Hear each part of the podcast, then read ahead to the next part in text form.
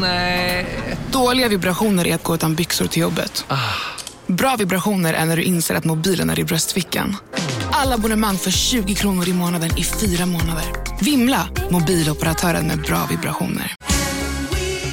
Just nu till alla hemmafixare som gillar Julas låga priser. Ett borr och bitset i 70 delar för snurriga 249 kronor. Inget kan stoppa dig nu. Känner du igen en riktigt smart deal när du hör den? Träolja från 90 kronor burken. Byggmax. Var smart. Handla billigt.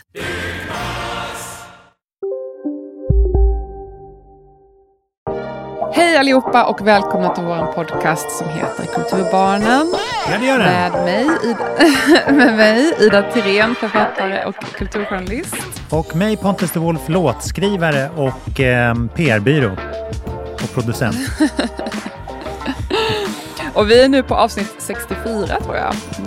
Just, just. Ehm, hur är det med dig Pontus? Vad gör du då? Jo, det är bra. Jag gör väldigt många saker. Um, jag, precis innan du ringde här så tänkte jag att just det, lurar ska man ladda. Och så, så nu är jag på den här liksom en lur i taget. Um, Mm. lifehacket. Um, när man liksom har en och laddar den andra simultant och så får man byta. När, när den ger Jag- ifrån sig det här döende lätet. Jag är på en lur permanent för jag tror jag tappade min ena air, airpod, airbud, vad det heter, Mm. i toaletten häromdagen. Så att jag har bara en hörlur nu för tiden. Mhm. Så att eh, just nu sitter jag med mina så här noise cancelling megastora hör- hörlurar som jag brukar ha när jag flyger. De har jag på mig nu så att jag hör absolut ingenting. Om det skulle komma en post så hör jag ingenting. Jätteskönt. Ja, men det fick mig Ja, att tänka men, på eh, lifehacks. Har du några bra lifehacks att lära ut? Ehm, jag, jag tror jag har sagt det här förut i podden, men nu sitter jag precis och söker stipendium här, för det är så här stipendietider, du vet. Man kan söka Mm. olika resor, stipendium och hit och dit. Ja. Inga stora grejer, men några tusenlappar här och där. Och då har jag, jag kanske sagt förut på det, men jag brukar alltid ställa in i min kalender, så här, påminn mig varje år. Just Det det. tycker jag är bra Mm. lifehack, så man inte sitter där varje år och måste börja från början. Mm. Har du några bra lifehacks? Jag har ett som jag tror du skulle uppskatta faktiskt. Ehm, Oj, när, man, shoot. när man får in, ehm, om man beställer läsk till sin mat på, till, på restauranger, eh, så brukar Mm. man alltid få in eh, liksom, dryck och eh, glas med isbitar eh, först. Liksom. Medan, så här, vill ni ha något att dricka medan ni väntar på maten? Ehm, Mm. Och då, jag vill alltid spara min dricka till eh, maten just. Ehm, och, Mm. och så när den kommer in, då märker man ofta att det har smält lite av isbitarna. Och då brukar jag ta glaset, hålla för fingrarna som ett filter och hälla ut det, den vätskan som har bildats innan jag häller på läsk. Det har jag gjort framför folk och då har jag blivit kallad för världsvan. För att det är ett... Det var ett sådär... Oh, ett, ett riktigt bra... Ja, det är faktiskt lite världsvant Ja, beteende. nej, men Ja. ett rikt, och så ska man gärna hälla det liksom på trottoaren sådär, om man sitter utomhus. Det är också världsvant. Men, Vattna lite blommor. Mm. Ja. För ett, ett riktigt bra lifehack, det, det ska ju vara något som andra så här, ångrar att de inte har gjort i hela sina liv. Ah, Så här, fuck, tänk all utspädd läsk jag har druckit på restaurang i Mm. min dag. För det är verkligen en igenkänning på den grejen tror jag. Tänk all onödigt vatten jag har fått i mig. Ja. ja. Eh, ja, men det är lite som att i, i USA är det väldigt populärt att man torkar av läskburken precis där man ska dricka. Alltså som man Va? tar en servett och torkar av ordentligt. kondensen, Det är liksom, liksom? nästan standard. Mhm. Eh, det kanske det kan vara, men framförallt tror jag bara det är så att man vill inte ha någon ska pillas på den typ, när man ska dricka. Alltså man gör en ren. Ja, Ja, ja. det är lite så att torka av eh, vid, där, vid mun, där man stoppar, stoppar munnen vid, vid, konserv, vid burken. Mm. Um, och det där, alltså amerikaner är ju, de är, ju så rädda för bakterier och baciller. Och, Mm. alltså, de älskar ju att bo i väldigt för, förorenade städer, men de hatar ju, det är lite annan, här är motsatsen, det är så här, naturen och frisk men lite skitrens om magen. Ja. Det är verkligen, jag tänkte mycket på det när pandemin kom, för då var jag ju i USA och jag skrev ett inlägg om det här på Facebook. Jag fick extremt mycket så delningar och interaktioner. Folk tyckte verkligen att jag... Säkert de som bor i USA själva. Jag delade Mm. här grupp med folk som bor i USA. Alla var så här, ja, spot on. Och det var just det här att jag bara... Svenska och amerikanska reaktionen till pandemin var väldigt talande för vår kultur. Alltså, I Sverige så var ju folk lite så här, ja men det är, man blir ju sjuk, man får ju ta lite, fan så.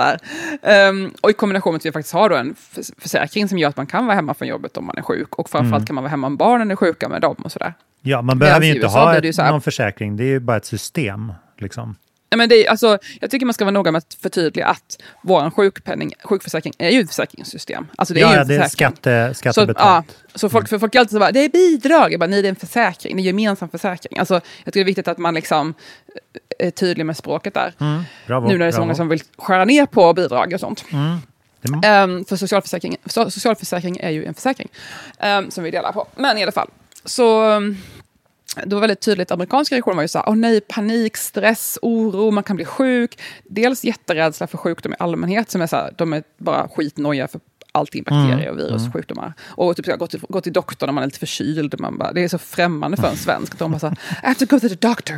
I am doing, doing my annual checkup. Bara, de säger också my doctor. Som att det är någon Alltid som, som så träffar många ja, ja, gånger. ja, ja, ja, ja. Och alltså my checkup. Jag bara, vadå för checkup? Mm. Så här, mina kompisar går på så här checkups. Typ. Jag har aldrig varit på checkup i mitt liv. Så här, jag går till doktorn när jag är sjuk, vilket är typ inte så ofta. Men i alla fall. Och då... Um, men det måste man väl göra you för att kolla att man ska få sin up your ass. Där måste man väl ha kollat att man ska få behålla sin försäkring och sin premium och så vidare. Alltså det är sin privata oj, försäkring. Oj, ja. Men, eh, antar jag. Men eh, också då att om barnen blir sjuka är det ju en katastrof, för då måste man vara hemma med barnen. Hur ska man göra det? Då kan man förlora jobbet, för att man kan inte vara hemma från jobbet. Mm. För det finns ingen liksom, backup. Nej. Så det är ju mycket mer på liv och död allting där. I Sverige är det mycket mer så här, ah, lite mer laissez-faire, att man bara, okej okay, mm. min franska nu efter Paris, min lite mer laissez-faire i Sverige. jag vill slänga mig lite... Mm. ja, så det tyckte jag var väldigt påtaglig skillnad i hur mina svenska och amerikanska vänner då mm. konfronterades med pandemin. Ja. Eh, det var lite utläggning då, ja. apropå Coca-Cola-burkar. Jag har, också, annars? jag har också tänkt på pandemin, för att jag har, jag har märkt att jag mår väldigt bra den här hösten. Um, mm. Och att det var så här, jag var... Jag, jag mådde otroligt bra i somras, vilade jättemycket, men jag har nästan mått ännu bättre alltså rent psykiskt. Och märker att många, många vänner jag pratar om det här med också mår bättre. Att vi, vi liksom, vi känner att vi aldrig blir så här, får upp eh, aggression över saker. Alltså saker som frustrerar en om någonting går fel. Eh, eller om någon gör, emot, eh, gör någonting emot en, så får man liksom inte upp man får inte upp några så här katastroftankar eller blir arg mm. helt enkelt, utan man bara, ja, då löser vi det. Och det, jag, tror, eh, jag tror jag pinpointat vad det beror på. Eh, mm. För att vi, eh, många av oss, liksom, sköna somrar har man alltid haft, så att det är liksom en rutingrej. Men sen tror jag att mot slutet av sommaren så trodde min kropp att den skulle gå tillbaks till ett liv av restriktioner och paranoia kring pandemi. Ja, stress. Ja, för att den har lärt sig att det är så här, nu kommer hösten, då kommer åtstramningarna och eh, liksom svårigheterna. Och det kommer vara den här fokus på sjukdom hela tiden. Men att den här hösten är det ju inte det. Så då kan man ju verkligen på allvar ta med sig... Se. Ja, men ännu. Än har det inte varit det. Men då kan man liksom ja. ta med sig lugnet från sommaren på allvar och vet att det kommer inte komma någon liksom eller vi, vi lever inte efter att i oktober kommer det komma en käftsmäll när alla ställen stänger igen och sånt där. Alltså det är mycket lättare, lättare att se framåt. Det är intressant att du tar upp det här, för jag har tänkt lite på samma sak. Alltså, fast jag har inte tänkt på det i termer av pandemin, men det ligger nog lite i det du säger. För att, um, Okej, okay. oh, jag blir så många tankar. Ja. Jag. Um, Dels så tycker jag det du beskriver låter som en så allmän nedtrappning av nervsystemet, att man äntligen har börjat återhämta sig i ett nervsystem. Mm. Um, jag, jag, skrev faktiskt en uh, humble brag, jag skrev en uh, text, eller en essä till Frankfurter Allgemeitum, mm. Frankfurter Allgemeitum Zeitung, mm. jag kan inte mm. uttala det. Jättefint. Min tyska, min tyska Sounds kurs like German to me. uh, för nu är det nästan två år sedan, alltså det var under pandemin. Mm. Och då skrev jag med svenska, så att, hur, hur det var i Sverige då under pandemin. Um, jag, jag, är bekant med kulturredaktören där och han bad mig skriva den här texten. Mm. Och um, inte på tyska då, den översattes till tyska från min svenska, eller, svenska eller engelska. Ja, i alla fall, då hade jag precis kommit hem från USA och varit i USA under pandemin, tre, fyra månader, nedstängningar och sådär. Och så kom jag till Sverige. Och så var det ju, jag var ju helt, jag hade ju, mitt nervsystem var ju helt kaputt efter den här tiden i USA. För jag har varit inlåst i min lägenhet i tre, fyra månader utan att kunna gå ut med min dotter, som då var typ sex, sju år. Så skolan var stängd. Så jag satt och bara inlåst, träffade ingen, bara vi två. Jag trodde jag skulle bli tokig, alltså det är så här isoleringsstraff Ja. typ. Ehm, så jag var ju helt uppjagad och mitt nervsystem var helt knas. Alltså så här, stress, stress, stress. Och så kom jag till Sverige och alla var helt chill. Typ. alla var helt så här, "Ah, jaha, vadå? vadå? Pandemi, va? Ja, mina barn går i skolan. Typ. Jag bara, oj. Så att det var väldigt stor kontrast i hur jag mådde över det här och hur jag märkte att all, alltså, vanlig Svensson mådde, eller man ska säga, Ja. i min egen ålder och med samma situation sådär, med barn och sånt och hur det spelat roll. Ehm, så jag känner ju att jag har börjat återhämta mig och då, då bodde jag hos mina föräldrar i två år som bekant från podden, men nu så är jag ju tillbaka då i Stockholm. Och apropå det här du säger, för att jag hade faktiskt tänkt föreslå för dig att vi skulle döpa det här avsnittet till till vardagens lov. att vi sjunger vardagens lov i det här avsnittet. För att jag har ju precis kommit tillbaka från den här resan till Paris och hela sommaren har jag liksom hållit på och hattat runt och varit hemma med min dotter, inte kunnat jobba på flera månader fast jag äntligen behöver jobba och eh, varit i Berlin och läst tyska. Alltså, det har varit så här, och innan dess var jag hos mina föräldrar och har pendlat mellan Stockholm med tåg och Värnamo. Och liksom, jag har inte haft en vanlig dag på väldigt, väldigt, väldigt länge. Nej. Så jag kände bara nu, idag hade jag min första så här, lämna i skolan, Ja. sätta mig ner och jobba i lugn och ro i min lägenhet, där jag bor själv och inte hos mina föräldrar. Det här är liksom första gången på, jag vet inte, tre år som jag har en helt vanlig dag. Oj. Som vanlig människa. Som jag känner Ja. så här, jag har längtat så mycket efter det här. Det var så underbart. Alltså jag bara njuta, sitta här i min soffa, skriva på min gamla dator. Åh, jag älskar det! Jag är så lycklig! Alltså jag känner så här euforisk känsla. Bara så här, Wow. Sensommar utanför fönstret. Jag har lite färska blommor. Min kompis lånade min lägenhet när jag var bortrest. Och så lämnade hon lite så blommor och en flaska vin. Typ så här. så jag har så här, fina blommor framme. Jag sitter i min soffa. Det är sen sommardag. Jag har skickat in några ansökningar till några stipendium. Jag känner mig så produktiv. Jag spelar in podden. Fan vad jag älskar vardagen. Det är helt magiskt. Ja, man Så här, ser... fast forward till februari där man håller på att dö av depression. Men just nu. Ja, det är verkligen ol olika sorters kickar om man har ett jobb som man gillar. Hur det är att gå in i vardag och, och att gå in i helg. Just det. För att liksom Mm. eh, helg, efter, efter en riktigt jäkla bra vecka, då är det nästan, får man anstränga sig för att gå in i helg. för att Ja, det är inget, vila alltså jag gillar inte helgen så mycket. Jag får bara stress av att jag skulle hellre vilja sitta och skriva typ, Ja, eller läsa. ja. Mm. Så talar en sann kulturarbetare. Välkommen till Kulturbarnen, vår podcast om kulturarbetare. Just det.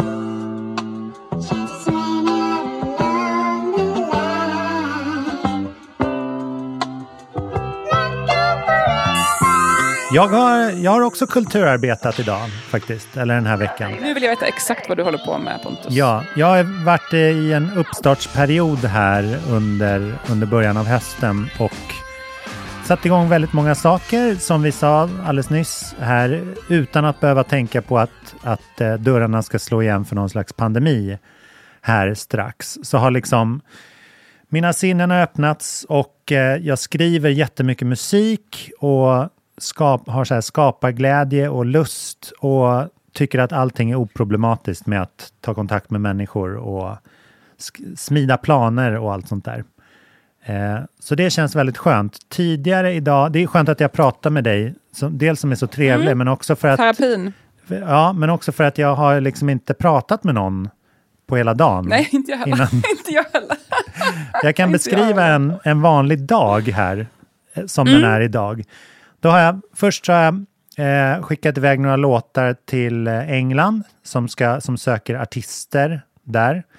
Eh, väldigt skojigt. Jag har, ehm, jag har alltså spelat in låten, eh, låtarna och så sjunger jag på dem. Men så vill jag liksom ha folk som sjunger genuin engelska och är tjej. Eh, så att det ska låta liksom lite mer som jag, som jag tänker mig att det ska låta i verkligheten. Så det är din låt, fast du, eller är du låtskrivare för den? Eller är du... Ja, det, är, det, är inte riktigt, det är inte riktigt klart. Det beror liksom på eh, hur slutresultatet blir. Jag har ju mitt The Color Red-projekt som, eh, där jag kan ta in kvinnliga sångerskor som kan sjunga så som jag tänker mig. Och så släpper jag Mm. det som någon, i någon slags egenskap av producent eller vad man säger. Som Avicii, fast, på, fast in, Ah. indie, indie pop. eller vad det är jag gör. Ja. Indie elektro. Ehm, Okej. så det, det är ett väldigt skönt sätt har jag märkt att liksom ta kontrollen över sitt musikskapande. Att så här, istället för jag skriver en låt som skulle passa en, en kvinnlig artist så skriver jag låten, eh, söker upp en sångerska som jag tycker låter som jag tycker det ska låta. Och sen eh, så släpper jag det. Liksom. Alltså under ditt artistnamn? Ja, precis.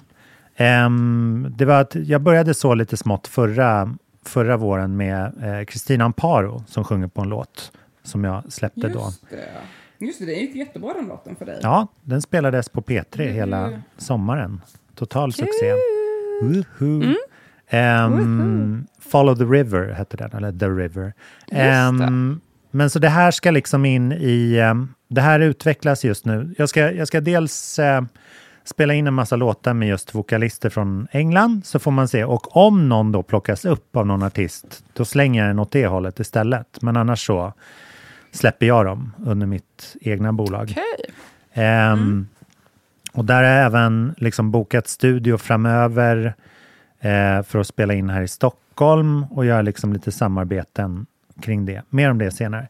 Men sen har jag också gjort sådana här saker som att jag, jag jobbar tillsammans med min bror, som jag nämnde. Eh, Han med bandet Hansson the Wolf United, som alla frågar dig. Ah, är det, Just är det. Pontus hans... Är det han du har på... Eh, Exakt. Är Pontus hans son, brukar de fråga, men då brukar jag svara Ja, exakt. Eh, och de ska släppa en skiva med det här bandet om eh, lite mindre än en månad. Och då håller vi på att skicka Mhm. iväg, eh, skicka iväg eh, till korrektur, alltså.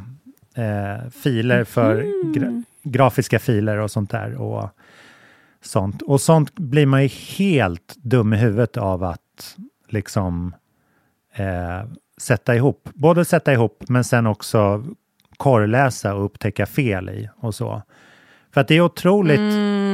Du har, Så mycket små saker som kan slinka in. ja, och du har ju varit med om den processen när det gäller dina romaner. Eh, och, och, så, och liksom, men ta det gånger då det visuella. Alltså man blir så snurrig i huvudet. Och det är helt fantastiskt vad man säger, ja, nu skickar vi iväg till fabrik. Så bara, ja, men du har glömt titeln på den här på ryggen på CD-skivan. Alltså man, man gör så många problem som liksom var bra i början och sen har det lagret liksom hamnat underst i ens Photoshop på något vis och liksom ersatts med någonting svart. Så det är väldigt, väldigt mycket fram och tillbaka. Ehm, och det är så roligt för att han, han, min bror alltså, jobbade på reklambyrå på 80-90-talet under tiden det här, eh, på den tiden som det begav sig för det här bandet. Okej. Eh, bandet föddes ju, Och för reklambranschen. ja precis. Det, det roliga är att bandet föddes ju ungefär när jag föddes. När jag föddes också. Aha. Precis där 80-81. Ehm, då kom de ut med eh, fyra studioalbum fram till 1985 och de sålde så här 250 000 vinylskivor. Så nu finns de med allt. Så det där är så sjukt. Ja. Ehm, blev jätte, jättestora. Har så här äh, klassiska låtar, särskilt en som heter Var kommer barnen in? Som finns med på väldigt många så här äh, svenska låtar genom tiderna samlingar. Eh, en så här dunderhit som har gjorts covers på jättemånga gånger. Eh, de spelade även på något som hette ANC-galan som var så här svenska artister mot apartheid. Apartheid, ja just, Just det. det. Det var svenska, We shall overcome. Nej, det kanske inte var den, men det var den här svenska. Ja, just det. men jag tror att just den här var nog eh, Mikael Wiehe och eventuellt Thomas Ledin som styrde upp. Ehm, Mm, Okej. men den är, det finns några kända. Eh, Jocke Thåström, hans band Imperiet, gjorde Märk hur vår skugga till den galan och sånt där. Ah, shit. Några sådana här klassiker. Legend, legendlåt. Eh, Ja. slutet av, eh, mot slutet av 1985 sändes den galan och det är precis, och Palme var ju med på galan också. För han var en väldigt stark röst för eh, svartas rättigheter i Sydafrika och han blev ju mördad bara två månader efter den galan i februari där. Ehm, Men de var, även min, de var även Palmes favoritband, kan de titulera sig som. Oj! Ehm, så i alla fall, kort och gott, ett jättestort band var de under 80-talet. Och sen så har de varit ganska mystiska och liksom släppt, släppt plattor då och då, men hela tiden haft kvar den här urpubliken av vad det kan vara, 40-50-talister liksom. Eh, som nu är ganska välbärgade och gärna går på konsert. Så att vi har, jag styr även deras turné vid sidan av det här här, barnen, har, skivsläppet. barnen har växt upp, nu kan Ja. man börja ägna sig åt intressen igen. Och så har man samma favoritband som... Ja, men det Ja, men perfekt precis. Men så att det är liksom... Eh, det, det är väldigt roligt att... Och, men, men tiden har förändrats så pass mycket för att nu, nu jobbar jag som min brorsas eh, skivbolag och hans eh, grafiska Mm. designer, eh, hans bokningsbolag och, och hans tour manager. Och jag har även remasterat några av Och hans mood skivor. manager. Ja, precis. Ehm, vilket är ju liksom Och terapeut låter det som. Ja, det är så stark kontrast det kan bli. Dels mot 80-talets skivindustri när det fanns en Ah. liksom rullbandstekniker som såg till att, att bandet inte hoppar medan man spelar in. Och en liksom en person på varje grej. Så här. Och i reklambranschen där det fanns en art director som han var, som hade liksom ett koncept. Och så var det fotograf och så var det copywriter. Och så var det liksom grafisk hit och grafisk dit. Och så var det till slut var det en, en sättare som manuellt la ut bokstäver. Så att det liksom skulle bli snyggt. eh, till att då vi liksom, vi sitter vid en skärm och bara japp, då gör vi allting. eh, Det där är helt sjukt. Ja, det är verkligen en ny tid, men det är roligt att jobba med någonting som har varit igenom bägge. Alltså han har ju, han reflekterar ju och så, och så studsar han tillbaks till det. bara, Okej, nu går vi in i den processen här, liksom. Så här, vad gör du nu? Ja, men nu- gjorde jag om det till eh, eh, nu gjorde jag om det till eh, pdf-er. Eller jag sparade det som pdf. Det är liksom en, en dags process i, i liksom hans sätt att se på kedjan. Oj, Så vi kan, shit. vi kan liksom... Ja, det, det är både roligt och skrämmande för att det, det är väldigt många liksom roller som har försvunnit sedan den tiden också. Som man bara Alltså. Som var, det här var faktiskt vad jag tänkte prata om idag i podden. Gud vad härligt att, att våra Vi är hjärnor synkade, det är synkade som nunnor. Alltså, vi är så synkade. Ja.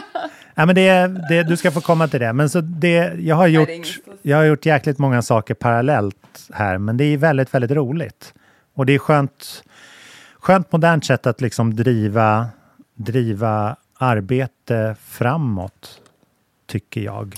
Och inte för att vara sån, men alltså som, som en person som då jag själv och jag vet att du har gjort det här, har drivit jättemycket och arrangerat så mycket så här små kulturgrejer, så här man får kämpa för att få dit folk. Man kom på den här obskyra grejen, 20 personer dyker upp och man är skitnöjd och får gå back och liksom får aldrig några pengar för någonting. Ja. Så gör man det ändå och fortsätter. Så här, hur många gånger har inte jag arrangerat grejer? Så, jag har ju, jag, du, du gör ju det mer nu, men jag har ju, inte, jag har ju i mina dagar arrangerat liksom Mm. 200 kv- klubbkvällar, eh, tre mässor på egen hand. Ja. Som jag, hittar på. Alltså, så här, jag, har, alltså, jag har gjort så mycket sådana här arrangörsgrejer. Och, alltså, jag har nog aldrig tjänat...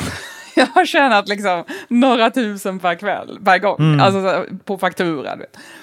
Så när du beskriver det här blir jag så här, bara, åh, det här låter som att du kommer få betalt för ditt arbete. Vad, vad härligt och så här, Mm. vad kul att det finns en publik som faktiskt är glada och vill betala och gärna kommer. Ja. Alltså det, måste, det är ju så stor skillnad när man håller på och kämpar och försöker övertala folk. Liksom. Ja, nej men vi, vi har blivit väldigt Låter det som i alla fall. vi, han och, och vi, vi har blivit ganska överraskade. Det är väldigt skönt när så här, äh, sälja biljetter var visst inte det svåra här, utan vi, Nej, vad skönt. men där har vi också, där har vi också mötts i att... Gud, jag unnar dig det här. Ja, tack, tack kära du. Men, men där har vi också mötts i att så här, när han, eh, bara, bara, så, bara så kort tid som sju år sedan när de spelade senast, eh, några kvällar Stockholm, Malmö, Göteborg, typ, så ehm, då var ju liksom den huvudsakliga eh, marknadsföringsplanen var ju så här, vi affischerar kring några datum och så liksom och vi sätter in några annonser i DN.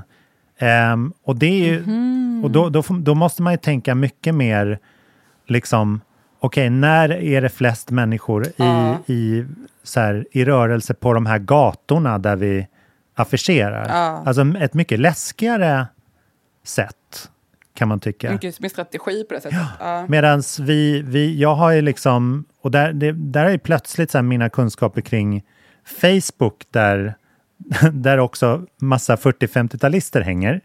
Ehm, Just det. de, de är, som bekant så har ju de ärvt Facebook av oss ungdomar. Ehm, Men så där, alltså med en, med en viss träffsäkerhet så, så når man ju alla dem mycket, mycket, mycket enklare nu än liksom slumpvis ute på stan. Eh, för att Just liksom, där kan man ju annonsera gentemot intresse och var de bor någonstans och vilken åldersgrupp de tillhör och allt sånt där.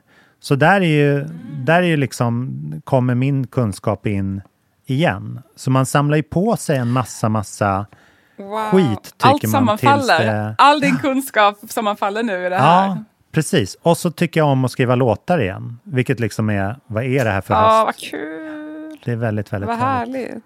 Mm.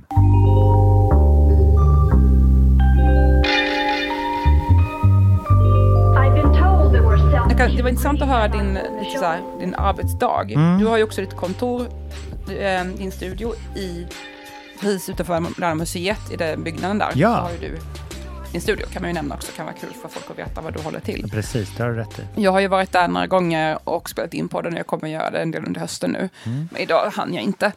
Det är lite krångligt för, från mig i, söd, i söderförort att ta mig dit. Det tar ändå kanske nästan en timme för mig att dörr till dörr. Ja, Sådär. För det är lite krångligt, man ska byta till båtar och promenera och då kan vi spela in under tiden du tar dig hit. Men det blir, ungefär.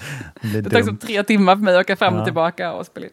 Ja, men ehm, nej, för mig är det så här, jag går upp eh, vid sjutiden, lämnar min tjatar på min dotter och sådär och sen lämnar jag henne i skolan. Förhoppningsvis kan hon cykla själv nu framöver. Mm. Vi ska träna lite på det, men det, det kommer kanske bli att hon kan cykla själv. Och sen ska jag, kommer jag vara här och sitta och knappra loss. Och nu ska jag skicka in då eh, mitt manus om en vecka till mitt förlag. Min förläggare är inte, han är bortrest, så att jag, det är ingen mening att skicka det nu tydligen. Så jag fick en vecka till på mig. Mm. Um, frist. Så jag ska skicka till första utkastet nu. Och nu är det läskigt, för nu har jag sagt det här i podden. Tänk så att han bara, nej jag vill inte ha det. Då, har jag liksom, då måste jag ju stå för det sen i podden. Ja. Eh, så det är lite läskigt, men ja, om en vecka ska jag skicka in den. Och sen får vi väl se vad som händer efter det där. Men eh, jag håller också på att läsa ganska mycket. Jag har ett projekt som jag inte kan berätta om än i podden, men det kommer innefatta väldigt mycket läsning från min sida. Ehm, väldigt många böcker per månad ska jag läsa. Oj! Om det här då blir av, vilket verkar, det verkar bli. Ja. Um, jag har inte skrivit på allting ännu. Och sen ska jag vara med i en jury för ett pris också, eller mycket mindre pris. Det kommer bara vara liksom några stycken böcker att läsa. Ett mer lokalt pris. Och där ska jag också läsa böcker till det. Wow! Och sen... Får du mer så- betalt än ja, de som får priset, undrar jag? Det vet jag faktiskt inte ännu. Så kan det vara. Det är ju faktiskt inte omöjligt ibland. Ibland är det Ja. lite sådär. Men, eh, Vi inte fick- krossa några drömmar där ute, men Nej, precis. Det känns faktiskt som att det ofta är så. Mm. Jag eh, kan vara helt transparent. När jag var med i juryn för det här Värnamos filmhistoriska... Nej, Jönköp, ja, en stad. Jönköpings pris, filmpris, som var i samarbete, sam, samtidigt som Värnamos filmhistoriska festival. Mm. Då fick jag en, jag tror det var ett dagsarvode från regionen. Och jag tror det låg på så här, kan det vara 3000 fyra, kanske? Mm. Alltså då är det, tror jag som lön eller faktura, jag vet inte. Jag fick några tusen lappar för kanske lite mer än en dags arbete. Mm. Kanske en och en halv dags arbete. Så det är inte mycket pengar, men det är väl ungefär vad folk får för den tiden. Att det var så här, inte mer eller inte mindre Ja. vad folk får för en, så mycket, en vanlig eh, person får för ett par dagars arbete. Ehm, och så var det lite omkring, så här, vad skulle dyka upp på utdelningar och sånt. Men om man ville och så. Men ehm, det, är ju inte ovanligt att folk får mer betalt för att vara med i en jury faktiskt. det får jag inte för det här, tror jag inte. Ja. Ja, exakt. Eh, ja, så att jag kommer behöva läsa väldigt mycket för de här olika sakerna jag ska göra. Ja. Och sen då så ska jag bli väl fram och tillbaka med boken här för, var, varje dag nu framöver. Ja. Och sen får jag väl skriva lite texter också för att få in lite pengar. Då. Så då, nu har jag till exempel en bokrecension som skulle vara inne igår. Som jag skickade in igår till Svenska Dagbladet, en bokrecension. Och nu ska jag peta lite den efter på den här, så redigera lite tillbaka. Alltså så lite feedback. Så den har jag läst. Den läste jag i Paris och på vägen hem från Paris, då, den boken. Och så skrev jag recensionen. Så att det, är mycket, det blir väl mycket bokrecension också då, så det blir mycket att läsa helt enkelt. Jag kommer läsa så här Ah, 15 böcker i månaden. Eller ja, så det blir lite kul. Sen, vem vet, jag kanske om jag blir riktigt dåligt med pengar, då kanske jag får höra av mig till mitt förlag och bara, hej, kan jag få vara lekt- göra lektörsläsningar Ja, också? just det. Kanske? Ja, jag har inte ja. frågat, men det kanske jag kan få göra. Så att, det verkar som att det enda jag kan är att lä läsa och skriva. Så då, mm, det är väl det som... du kan bli så här ett Ja. maxcentrum inom eh, svensk litteratur, känns det som. Ja, men det är väl lite, Min- inte centrum, men vi är väl hundra stycken kanske som håller på med det här och Ja. bryr sig om litteratur. Och, men apropå det här om att bli, att bli onödig i sitt arbete. Ah, ja. Ehm, än så länge då så finns det ju ingen annan som kan sitta där och säga vilken som bok som är bra eller vilken text som är dålig eller hur min text ska bli bättre. Både som redaktör, eller som skribent Mm. eller som då läsare. Alla de här sakerna har hittills varit svåra att ersätta med AI. Mm. Men Hej, Synoptik här. Visste du att solens UV-strålar kan vara skadliga och åldra dina ögon i förtid? Kom in till oss så hjälper vi dig att hitta rätt solglasögon som skyddar dina ögon. Välkommen till Synoptik.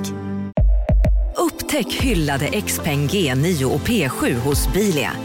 Våra produktspecialister hjälper dig att hitta rätt modell för just dig. Boka din provkörning på bilia.se xpeng redan idag. Välkommen till Bilia, din specialist på XPeng. Ja, Hallå?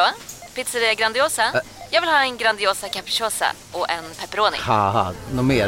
Med kaffefilter. Ja, Okej, ses samma. Grandiosa, hela Sveriges hempizza.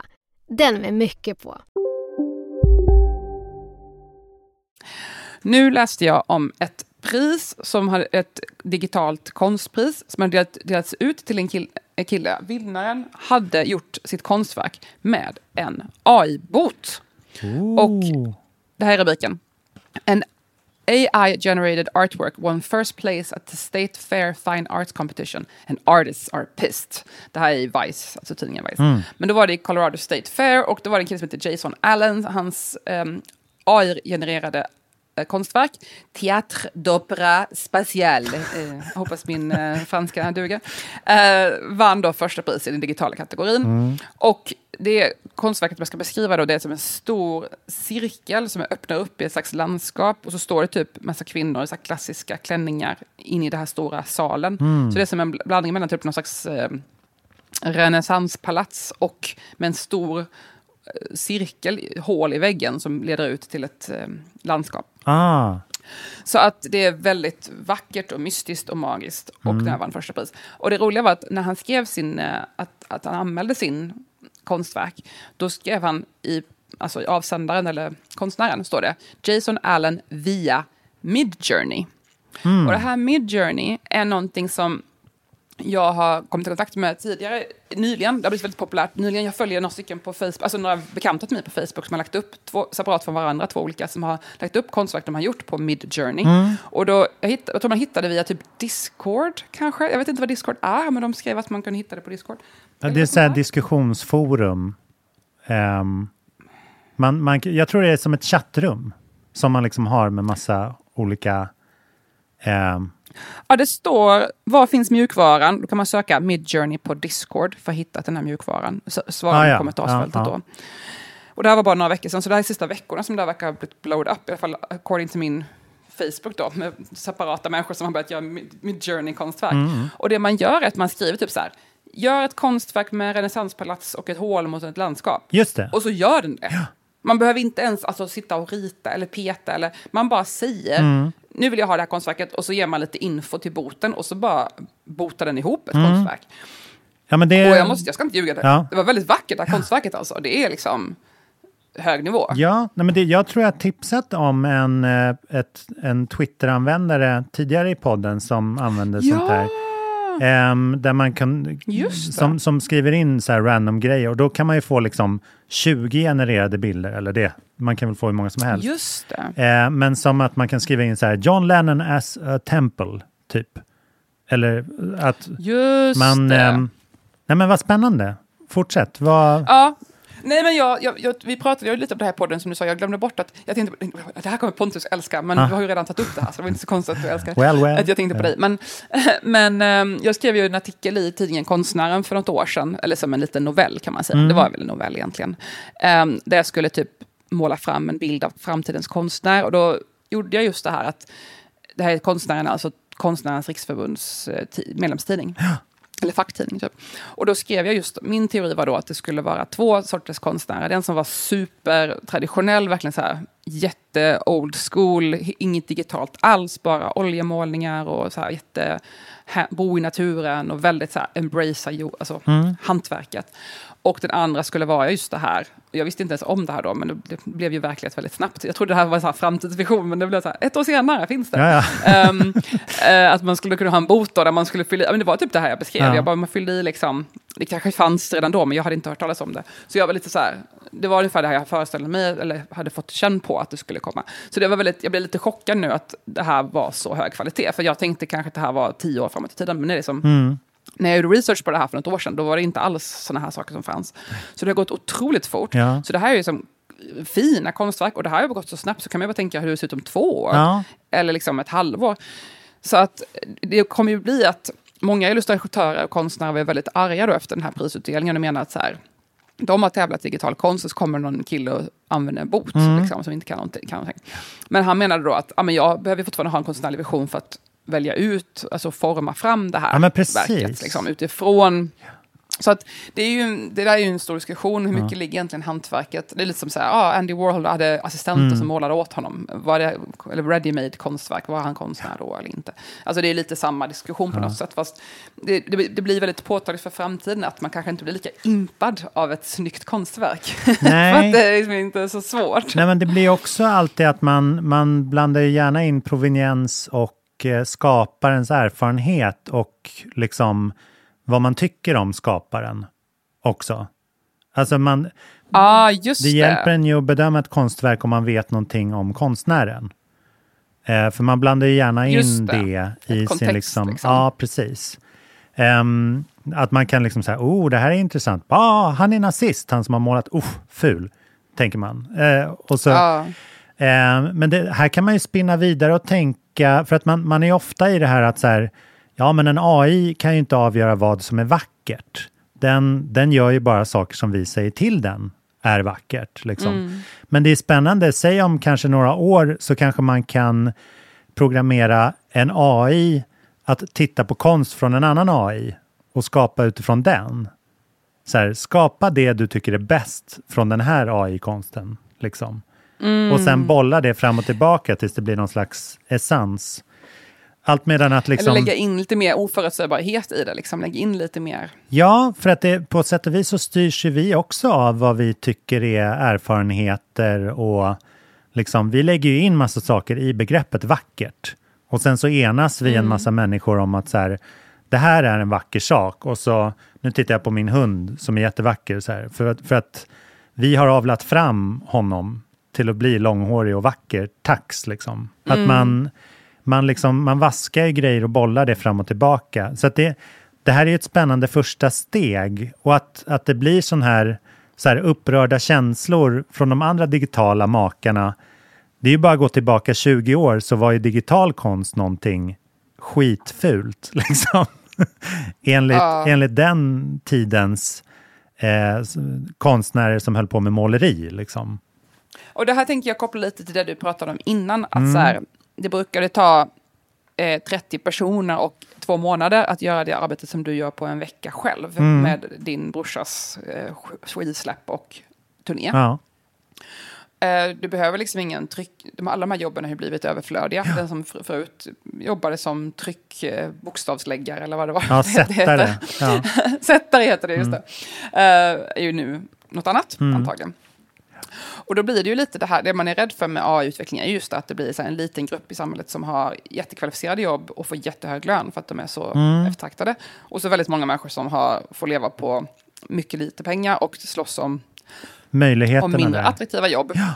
Och slåss om mycket mindre attraktiva jobb som kanske är mer så, ja, Ja. städa eller laga mat, så här kroppsliga grejer, fysiska yrken liksom. Mm.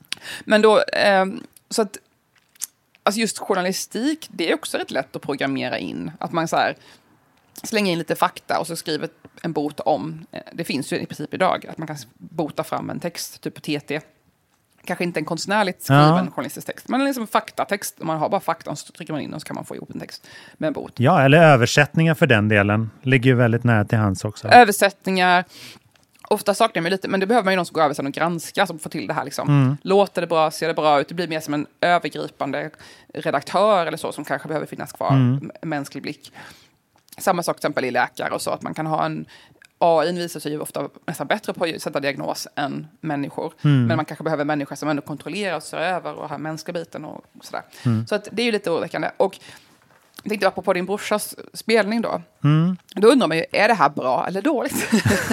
alltså, såklart. Ja. Man kan ju argumentera för att så här, ja, det här frigör ju tid för andra saker, vi kanske har kortare arbetsdagar Mm. och det blir kanske medborgarlön och hit och dit. Alltså ni som lyssnar har ju säkert koll på det här, det här är ju inga nyheter. Nej. Men då tänker man lite så här, tänk vad mycket ny musik som faktiskt kan göras tack vare att det har blivit så här billigt. För att innan kostade det jättemycket att få Mm. spela in en skiva. Man kanske kunde få göra en demo på sin höjd och kanske kan få ett skivbolag, då kan jag göra en skiva. Mm. Nu är det ju bara att lägga ut. Jag såg till exempel Dante Kinnunen, alltså så känd som artistnamnet Dante. Mm. Han hade en ganska stor hit eh, för några år sedan och sådär. Och han, har, han finns på Spotify. Och ehm, han hade lagt ut på sin Facebook, vi Facebook-kompisar, och han sagt, nej men jag lägger ut den här skivan nu, jag har så mycket liggande, nu lägger jag ut den här på Soundcloud. Liksom. Mm. Så han bara slängde ut en hel skiva egentligen på Soundcloud. Um, fast han då har Spotify och skivbolag och hit och dit. Mm. Så kände han väl bara, nej men nu vill jag bara få ut det här. Och det hade, det varit för 20 år sedan hade vi aldrig hört den musiken. Den hade ju bara legat kvar Ja. inom skrivbordslåda, eller kanske inte blivit en demo. Mm. Så att det, det fördelen med den här tekniska utvecklingen är ju verkligen att vi får så mycket, mycket mer kultur. Mm. Eh, sen får man hoppas att allting är bra också. Det blir ju mindre tid kanske och pengar att läggas på att få till det. Ja. Vad säger du? Nej, men det är ju väl, det är väldigt eh, mycket det man får lägga i vågskålen. Liksom. Mängd gentemot... Samtidigt så konsumerar ju vi kultur oerhört mycket snabbare nu också. Gentemot för några decennier sedan. I liksom livs, livslängden på en platta är ju så här fem dagar kanske. Ja, man säger. man lyssnar inte längre på samma skiva i så tio år. Nej, man, för man, precis. man har lagt 169 kronor på den. Ja, nej, för att allt är liksom enligt topplistor och singlar och sånt där. Men det är också, Mm.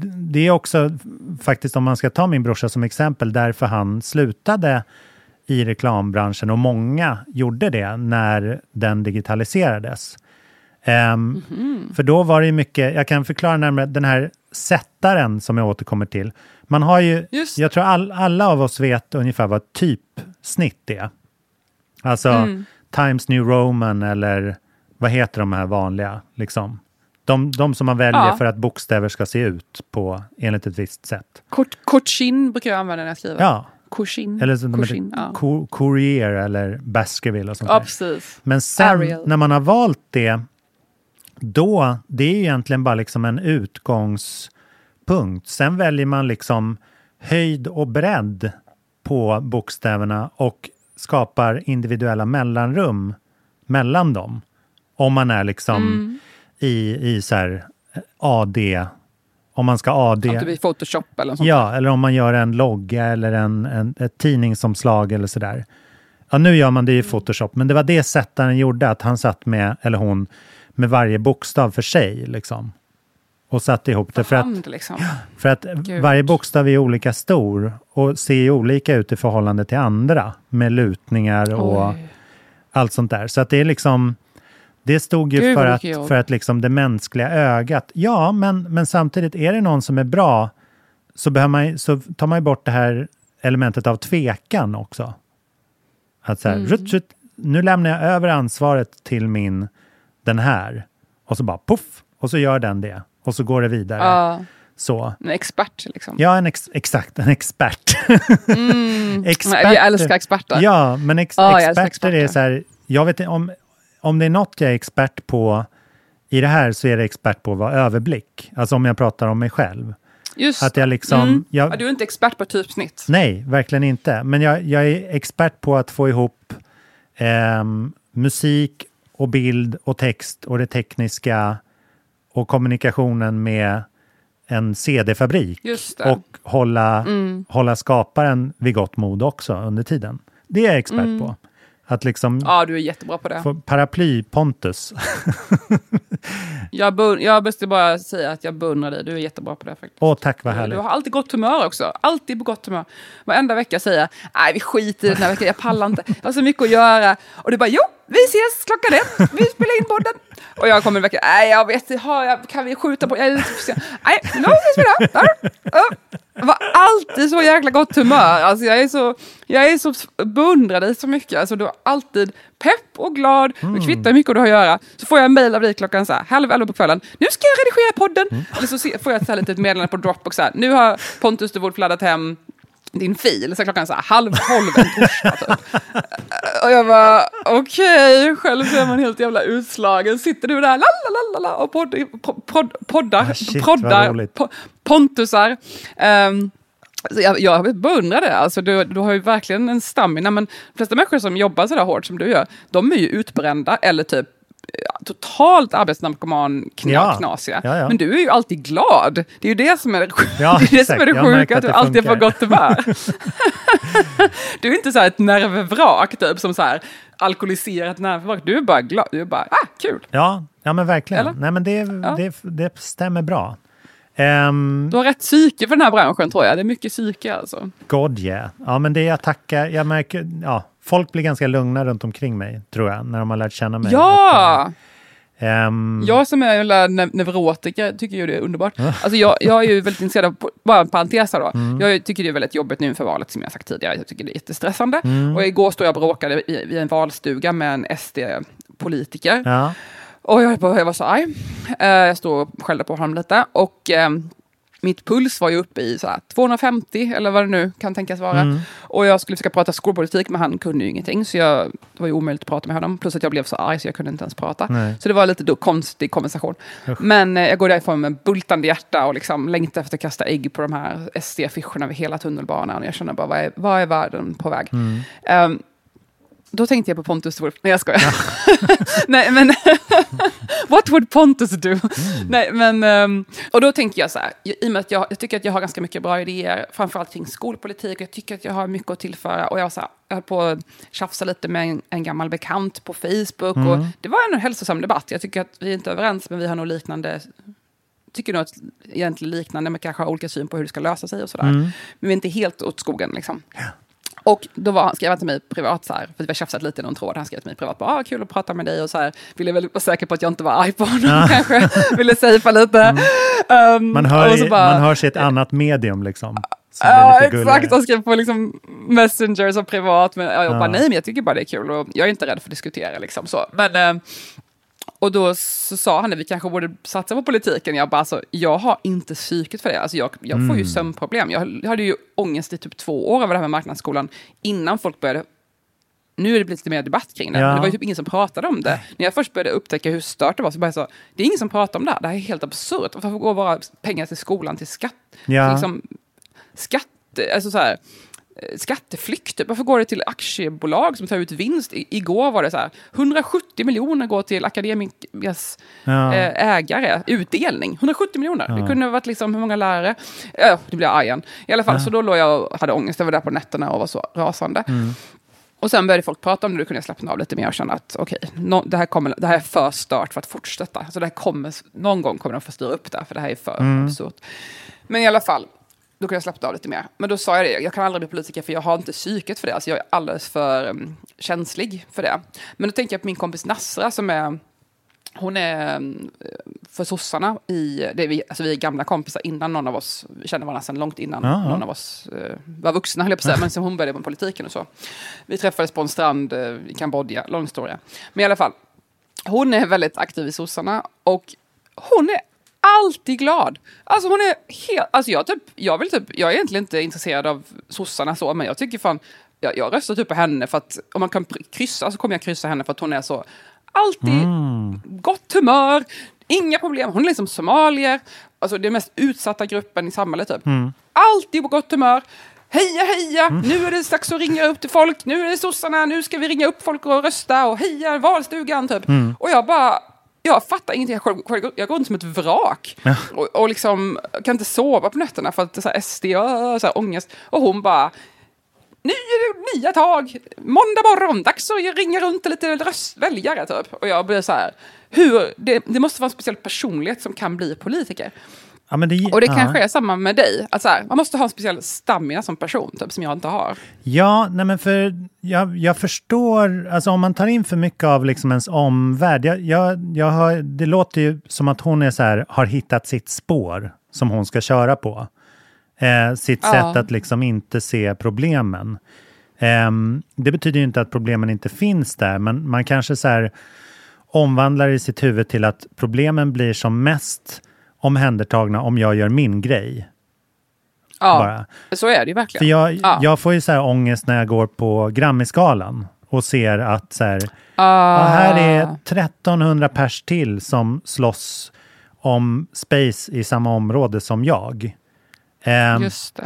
och jag, min, min megalomaniska hjärna säger att så här, jag skulle kunna säga åt dig hur du, vad du skulle kunna göra bättre, dig vad du skulle göra bättre, du ska inte sjunga de där låtarna, du ska sjunga de här.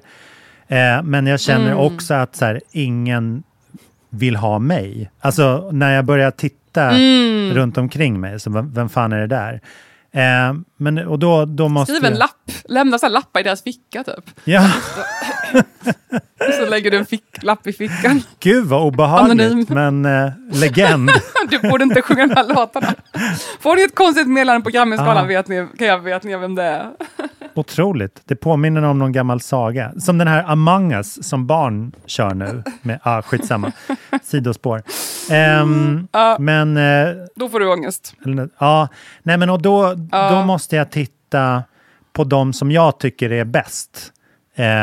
Ja. Som, som så här, Amazon eller Sara Klang eller Albin Lee Meldau eller an, andra så här, uh, outsiders där. Men som är liksom jätterespekterade. Att de, Mm. de känner nog samma liksom utanförskap. Fast de är liksom on top. Så det, då, jag försöker Just liksom det. hitta... De har ju hittat sitt spår, liksom, som de ska köra på. För att annars skulle det vara... Ja, vi skulle bli av med så mycket talang om man alla försökte göra på samma sätt. Tror jag. Nej, alltså jag, jag är 100% med dig. Jag har kommit till samma slutsats. Mm. Även om jag har lite svårt då på grund av min psykiska läggning, kanske min så här, högkänslighet. Liksom, eller vad ska jag säga? Mm. Mina, mina, komma, mina obefintliga men kanske kommande diagnoser. Mm. Men att jag är så högkänslig för allting. Liksom. Mm. Men, så att jag blir väldigt påverkad. Men förutom den då, grejen som jag kämpar med, så har jag kommit till samma insikt att mitt enda sätt att hantera verkligheten, så hemsk som den är, med alla fruktansvärda grejer hela tiden, det är att det, jag, jag kommer alltid tillbaka till samma slutsats. Jag bara så, åh nej, jag måste engagera mig i det här, och flyktingbarn, och det, Mm. det är svält, och jag, alltså, jag, jag, jag får så mycket ångest, och jag blir helt så stressad. Och då landar jag alltid i samma sak, och det här vill jag också dela med mig till alla lyssnare. Jag fokuserar på det jag kan bju- erbjuda mest av till världen. Mm. Och det innefattar ju såklart att jag ger pengar till massa olika organisationer och sådär. Det är ju inte bara att jag stoppar huvudet i sanden eller så. Nej. Och jag röstar och jag försöker så här. Men det jag kan göra mest nytta i tror jag är att, ja men som i den här boken jag håller på med nu då, det finns ganska mycket i den som jag hoppas kan hjälpa människor att tänka nya tankar och fundera, förändra lite hur Ja. de ser på saker och ting. Eller, eller i alla fall påverka lite grann åt, åt en liten riktning i alla fall, så mycket man nu kan. Men det är min stora ambition med den här kommande boken, att liksom ändå öppna folks ögon Mm. för saker de kanske inte hade tänkt på förut och sådär.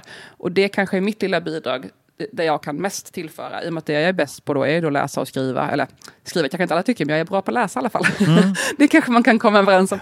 Um, då gör jag det istället. Istället för att försöka göra något som jag inte är bra på. Jag skulle inte bli en bra politiker för jag har inte den staminan. Liksom. Men jag har staminan att sitta och läsa och skriva i timme efter timme. Och då får jag bara göra det helt enkelt. Mm. Och, och samma sak som att du liksom beskriver att ah, ja, men då får jag lägga min energi på att producera och, och projektleda och skriva, egna- skriva låtar och spela in låtar. Så här, det här kan jag bidra mest med Mm. till världen. Istället för att man försöker gå sönder av allt man, inte, man skulle vilja göra men inte riktigt riktigt har kapacitet för. Nej. Eller kan, då, blir man liksom, då blir det det här snuttifierat, man duttar lite här och lite där. Och, uh, istället för att lägga all energi på en sak så hoppas man att det kan hjälpa någon i längden. Ja, verkligen. Väldigt true words alltså. Och så kan man ju, inom politik kan man ju passa på att ta det här fast tracket eh, och säga sin grej som erbjuds just nu, nämligen att gå och rösta. För det är liksom, Ja. det, det, där har vi en quick fix på alla er som vill uttrycka er politiskt. Och eh, Ja. rösta även på den här podden. Ge den stjärnor och prenumerera om ni tycker om vad ni hör. Så fortsätter vi att göra den. Även när, Ja. även när jag ringer klockan 11 på natten eller vad det var. Nu måste Ja, vi det betyder spela in. jättemycket för oss med lite... det betyder jättemycket för oss att ni lägger en röst och sådär. Det, det betyder mycket för Mm. oss. Så vi gör det här. Jag vet inte varför vi gör det här, men Pontus bara säger åt mig att göra det här, så jag gör det för att Pontus behövs. säger åt mig. Så att, Ja.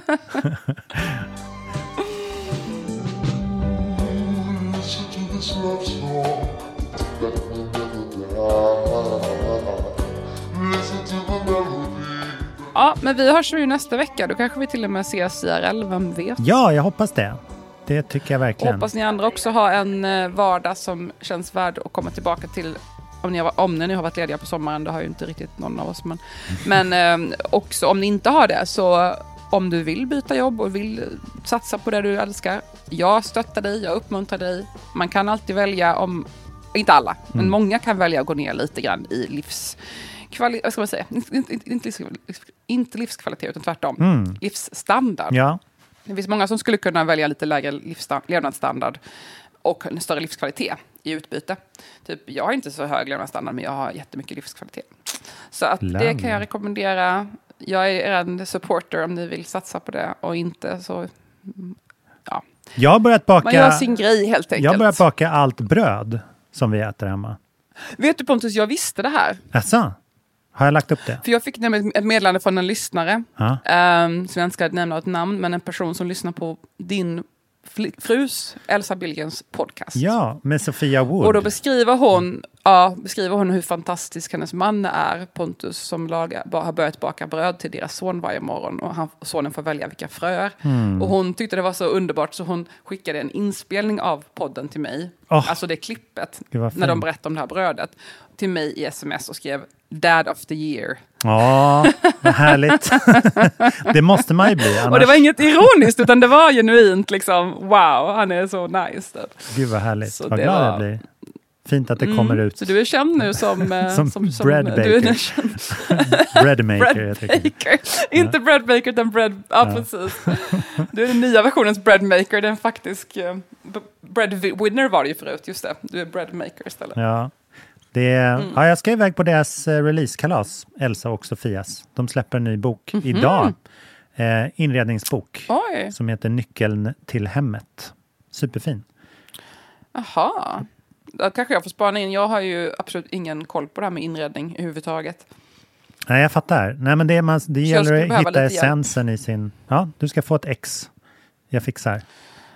Ja, men kan inte du fråga Elsa vad essensen i min stil är? Ja. Jag, min essens, jag, allt jag vet är att jag har jävligt mycket böcker och typ ett skitstort matsalsbord som jag köpte på Blocket för jag, för jag behövde plats att skriva och alla papper. Ja, ja, Så det, är, det är ungefär det som är min in, inredningsstil just nu. ja. Så du kanske kan... eh, ja. Jag känner, Ja, ja, jag känner en var det. person som du är väldigt lik, men det kan vi ta privat.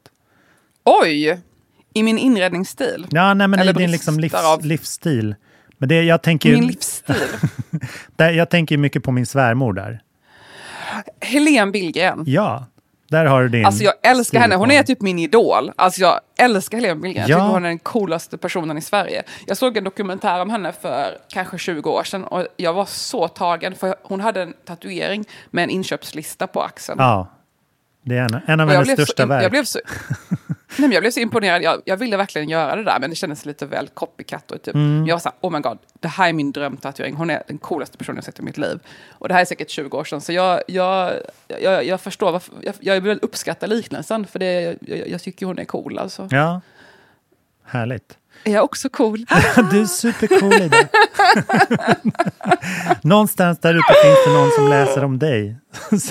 ja, jag måste bara säga, alltså jag befann mig, jag var ute och drack öl häromdagen. Den Åh, sista, dagen av, ja, den sista dagen innan min dotter skulle, dotters pappa, Mm. åka tillbaka till USA. Så nu är jag då själv med henne, ja, hela, hela fram till sommaren.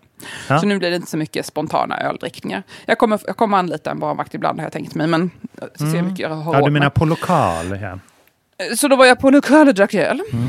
Och så jag har sitter liksom där med så här, alla är yngre än mig, alla är otroligt mycket mer framgångsrika än mig, otroligt mycket mer populära.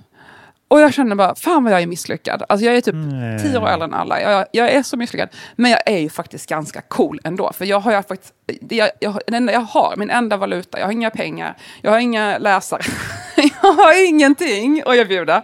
Men jag har en sak. Så jag har ett rent samvete. Åh, Och det, mina vänner, det är det jag lever på. det är det jag lever på. Sen att jag börjar gråta väldigt ofta in i mataffärer sista tiden. För det har blivit så himla dyrt att gå in i mataffärerna. Jag har faktiskt gråtit tre gånger nu på ICA. Ja. För jag har typ stått där och bara tittat framför mig så står det så här, 68 kronor för smör. Alltså jag vet inte vad jag ska göra, jag blir helt så här förlamad typ. Jag, jag, jag blir som en, alltså jag står typ och tittar på det här smöret, jag bara, vad ska jag göra? Ja. Jag kan ju inte köpa smör för 68 kronor, jag, jag har inte råd. Ja. Alltså jag blir så här, så köper jag inget smör, vad ska jag då, vad ska jag äta? Så här, Ja, "Ah, sitter man och knaprar sin torra skorpa hemma. Det är hemskt. Men Alltså det är eh, helt absurt. Jag förstår inte vad man ska... Hur, hur, hur ska man göra? Nej, jag ska inte Ja. prata om inflationen för det är för det, men jag vet faktiskt inte vad jag ska göra. Ska jag sluta äta smör? Alltså, ägg? Jag vet inte, jag har inte råd att köpa ägg. Ja, i alla fall. Så att jag har blivit lite så här, gråt, fått så lite gråtattack typ inne på ICA, för jag känner mig plötsligt helt så här hjälplös. Ja. Typ. Jag, blir så här, vad ska jag... Min trygghet i livet, att, att äta frukost, vad har hänt? Ja. Vad ska jag förhålla mig? Men en, en vacker Men, dag så ehm, kommer folk ja. så här, hallå, vi behöver någon med rent samvete här. Någon, någon med rent samvete. Kan vi, vi har högavlönat, vi, vi ger... Så här, vi, blank check till någon med rent samvete. Du där. Men det kommer, vet, vet när det kommer ske Pontus? Nej. Det kommer ske när jag står vid himlens portar. Åh. Då är det bara straight ahead Ida. Ja, nej men det var det om det, detta om detta. Men vi tackar för idag. Ja. Tack för att ni lyssnar. Ni får en fantastisk helg. Det här var jättetrevligt att prata med dig. Njut av ert Ja. smör. Jag ska njuta av mitt rena samvete. Gå och rösta. Gå och rösta. En vecka kvar drygt. Det kommer bli toppen. Ja, men det kommer, alla som lyssnar på, på den här podden kommer rösta, det är jag säker på. Oj, ja, men- Insparkade dörrar. Rösta på oss. Rösta på oss. Ja, men vi, vi hörs nästa vecka. Tack det för att ni är här. Hej, hej. Hej då!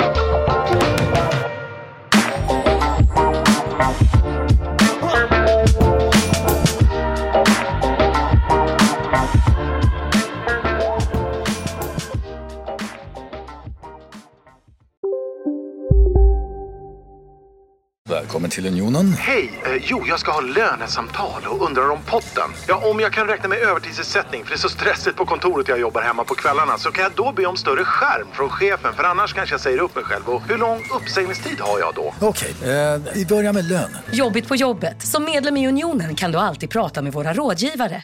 Hej, Susanne Axel här. När du gör som jag och listar dig på en av Krys vårdcentraler får du en fast läkarkontakt som kan din sjukdomshistoria. Du får träffa erfarna specialister, tillgång till lättakuten och så kan du chatta med vårdpersonalen. Så gör ditt viktigaste val idag, lista dig hos Kry. Just nu till alla hemmafixare som gillar Julas låga priser. Ett borr och bitset i 70 delar för snurriga 249 kronor. Inget kan stoppa dig nu.